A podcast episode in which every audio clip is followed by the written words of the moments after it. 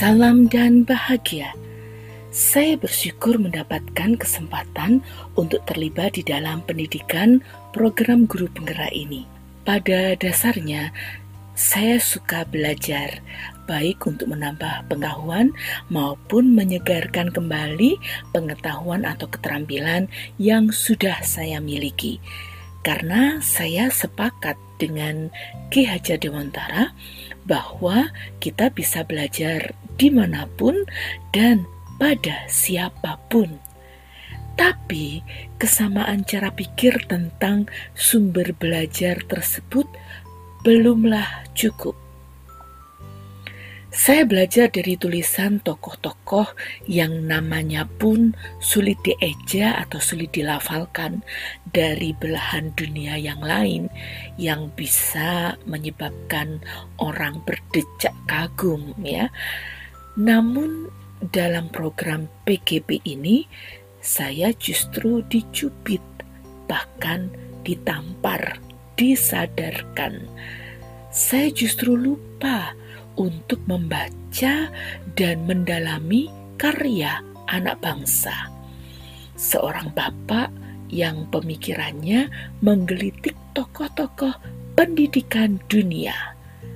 Beliau adalah bapak pendidikan bangsa ini, malu dan terenyuh. Benar kata orang, nabi tidak diakui di tempatnya sendiri. Terima kasih saya diingatkan lewat pendidikan BGP ini. Dan ini menjadi energi untuk bergerak berubah. KHD memberikan penguatan atas hal-hal yang sudah saya yakini dan memang sejalan dengan pemikiran beliau. Namun, ada hal-hal yang saya merasa ragu, dan dengan belajar mendalami pemikiran beliau, saya mendapatkan konfirmasi. Selain itu, selalu ada hal yang baru yang kita sadari dalam setiap proses pembelajaran, dan inilah yang bisa saya refleksikan. Yang pertama, Bertahun-tahun mengabdi, berangkat pagi, pulang senja, dan bersiap lagi untuk esok hari demi tempat yang disebut sekolah.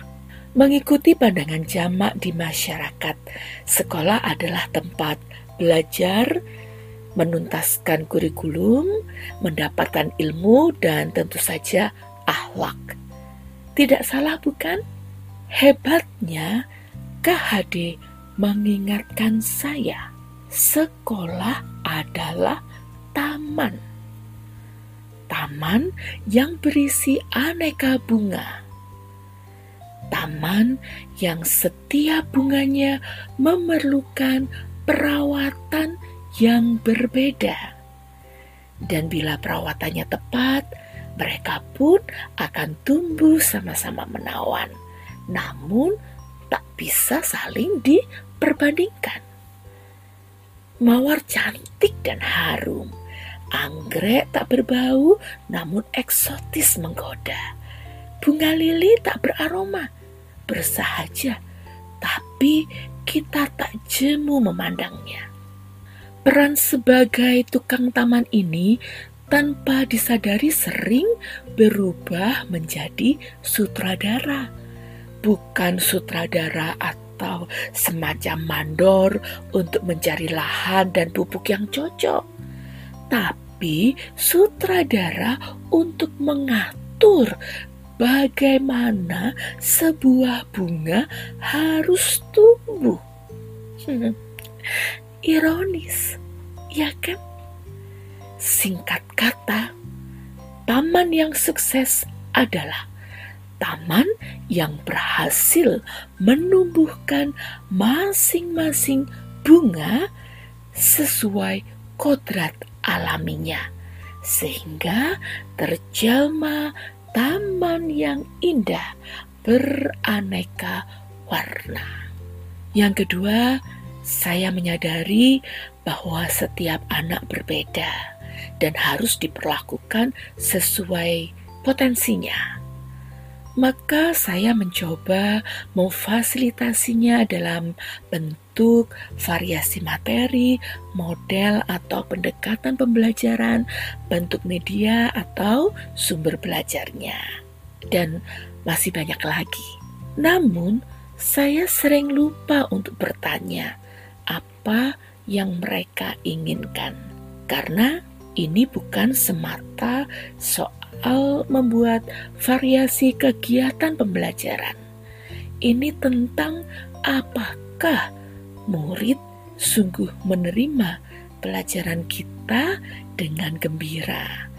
Apakah murid merasa bahagia atau sekadar kurikulum tertuntaskan?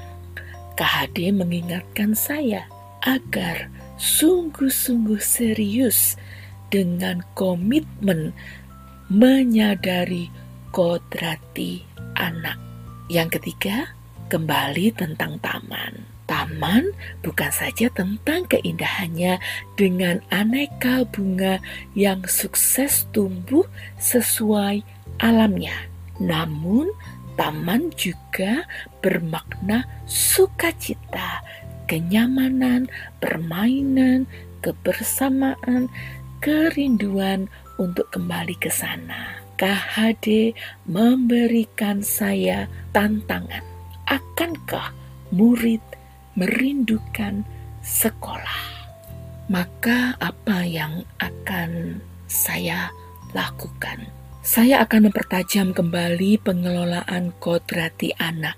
Langkah pertama dari saya sendiri, dari kelas mata pelajaran saya. Untuk mengawali sesuatu, kita harus berani menjadi teladan.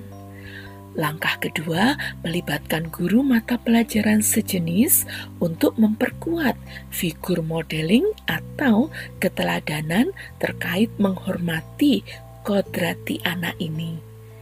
Langkah ketiga, berkoordinasi dengan kepala sekolah untuk bersinergi dan memberdayakan peran guru konseling, wali kelas, dan tentu saja orang tua. Selanjutnya, saya akan mengelola kembali sistem penarikan data atau informasi terkait kesiapan murid belajar dan bentuk keterlibatan serta keinginan mereka. Dua langkah utama tersebut menurut saya adalah langkah mendasar yang harus dimatangkan untuk menjadi sebuah budaya baru. Saya yakin perubahan besar dan kompleks harus diawali dari langkah kecil pertama dari diri saya dan bergerak dalam lingkar sinergi.